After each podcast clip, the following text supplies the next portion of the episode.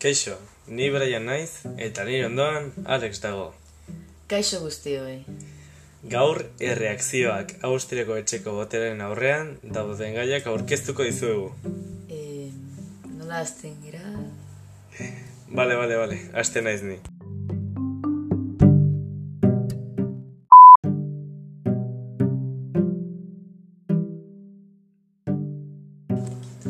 Kaixo guztioi, ni Brian naiz eta nire ondoan Alex dago. Kaixo guztioi. Bueno, Alex, zertaz hitz egingo dugu gaur? Erreakzioak Austriako etxeko boteraren aurrearen buruz hitz egingo dugu gaur. Ados nago, konta guztu pixka bat. Hasieran matxinadak Carlos Lehenengoaren aurka hasi zen eta eta ezaguzu hor da pertsona hori? Carlos Lehenengoak Flandesen ezia izan zen. Flandesen ez zekiten nia gaztelera. Beraz, gure penintxulara iritsi zirenean, mila bostion da mazazpian konkretuki, gaztelera ikasi ziren, ikasi zuten. Oso gertaera interesgarria da hori. Eta zuk, zer dakizu honen inguruan? Ba Flandeseko eta Borgoinako kontseilarez inguratuta heldu zen monarka gaztelera. Eta hiei eman ziren gobernuko kargurik garrantzitsuena. Okerez banago, gorabera horiek guztiek nobleziaren mesfiantza areagotu zuten, bereziki gaztelan.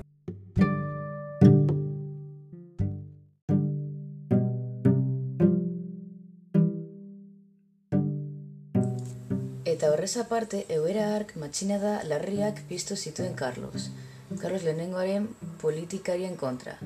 Ara nola komunitateen gerra gaztele, gaztelan eta germaniarrak Valentziako erreinuetan eta Balearretan. Hau eta gero, Filipe bigarren kontrako erreakzioak erligio gutxiengoan sortu ziren. Baita, Aragoiko koroan ere, erregeak bere aginpea ezarrena izan baitzuen, erreinu hartan fueroen gainetik. Benetan jendea borrokatzen zela, ez? Ba, dirudienez bai. Bueno, Alex, kontinatu mesedez. Bere reinuak ortodoxia katolikoaren barruan mantentzeko ahaleginean juduak eta morrizko kristauak jarri zituen errez, erregeak. Eta dol garbitzoaren aldelako politika ezarri zuen.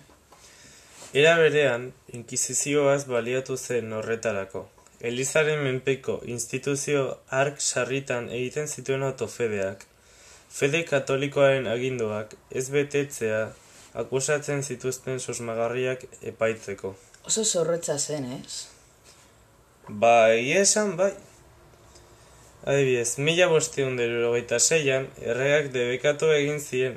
Granadako erreinua izana zen er, herrialdeko biztanlei beren hizkuntza jantziak eta ohiturak erabiltzea. Armadak matxinadak mon, mondean hartu eta morizkoak granadatik egotzi zit, zituzten mila bosteunda irurogeita maikan urtean. Aragoiko noblen aserrea, errearen autoritismoaren aurrean Antonio Pérez kasuarekin lehertu zen. Nire pan Antonio gaixoa. Filipe bigarrenak ez zituen aragoiko legeak aintzak hartu. Eta Zaragozan sartu zen bere armadarekin ieslari bati Antonio Perezi babesa emateagatik aragoiko justiziari joan de lanuzari eriotza eman zioten mila bostion bat urtean. Eta erregeak bere aginpidean ezarri zuen, aragoiko lege zaharren gainetik. Bere bizitza oso interesgarria eta arriskutsua zen, ez? Bai, ados nago. Bueno, honekin gaurkoz bukatzen dugu. Eskerrik asko entzutegatik. Agur jendea. E, ez joan oraindik, oraindik ez dugu bukatu. Oraindik dauzkagu aldera batzuk egiteko. Aurrera, Alex. Nor ziren komuneroak. Toledoko, Burgeseko, Segoviako eta Gaztelako beste hirietako aitoren semeak ziren. Artisau eta nekazaritza eta nekazari gazteluak Europako gerrak finantziatzeko eta erreia emperadore koratzekoa egiten zituztenak ziren. Horiek guztiek erregiaren kontseilari atzerritarren boterea errefutsatzen zuten. Bueno, Alex, zerk sortu zuen matxina? Carlos lehenengoa Alemania joan zen mila bosteun da hogeian. Emperadore koroatu zezaten. Eta Adrian Utrechttekoa utzi zuen erregoerde giza. Gertaera horrek piztu zuen errebolta. Komunistak hainbat, iri, hainbat irian matxinatu ziren. Todesillare, todesilla zen eskaera egin zioten joanari. Erregearen ama gaztelauari monarka hispanikoaren tronua berreskura zezan, baina joak ez zuen onartu. Bueno, Brian, beste galdera bat zuretzak. Nola bukatu zen gatazka?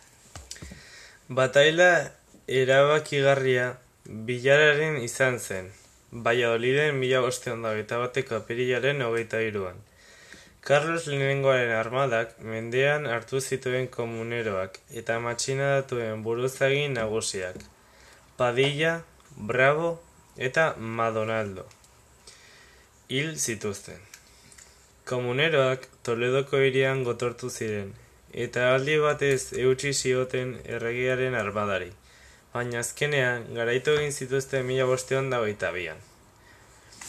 Bueno, honekin gure galdera eta gure podcasta bukaera, buka, bukaera emango diogu. Eskerrik asko entzutegatik, agur. Agur, jendea.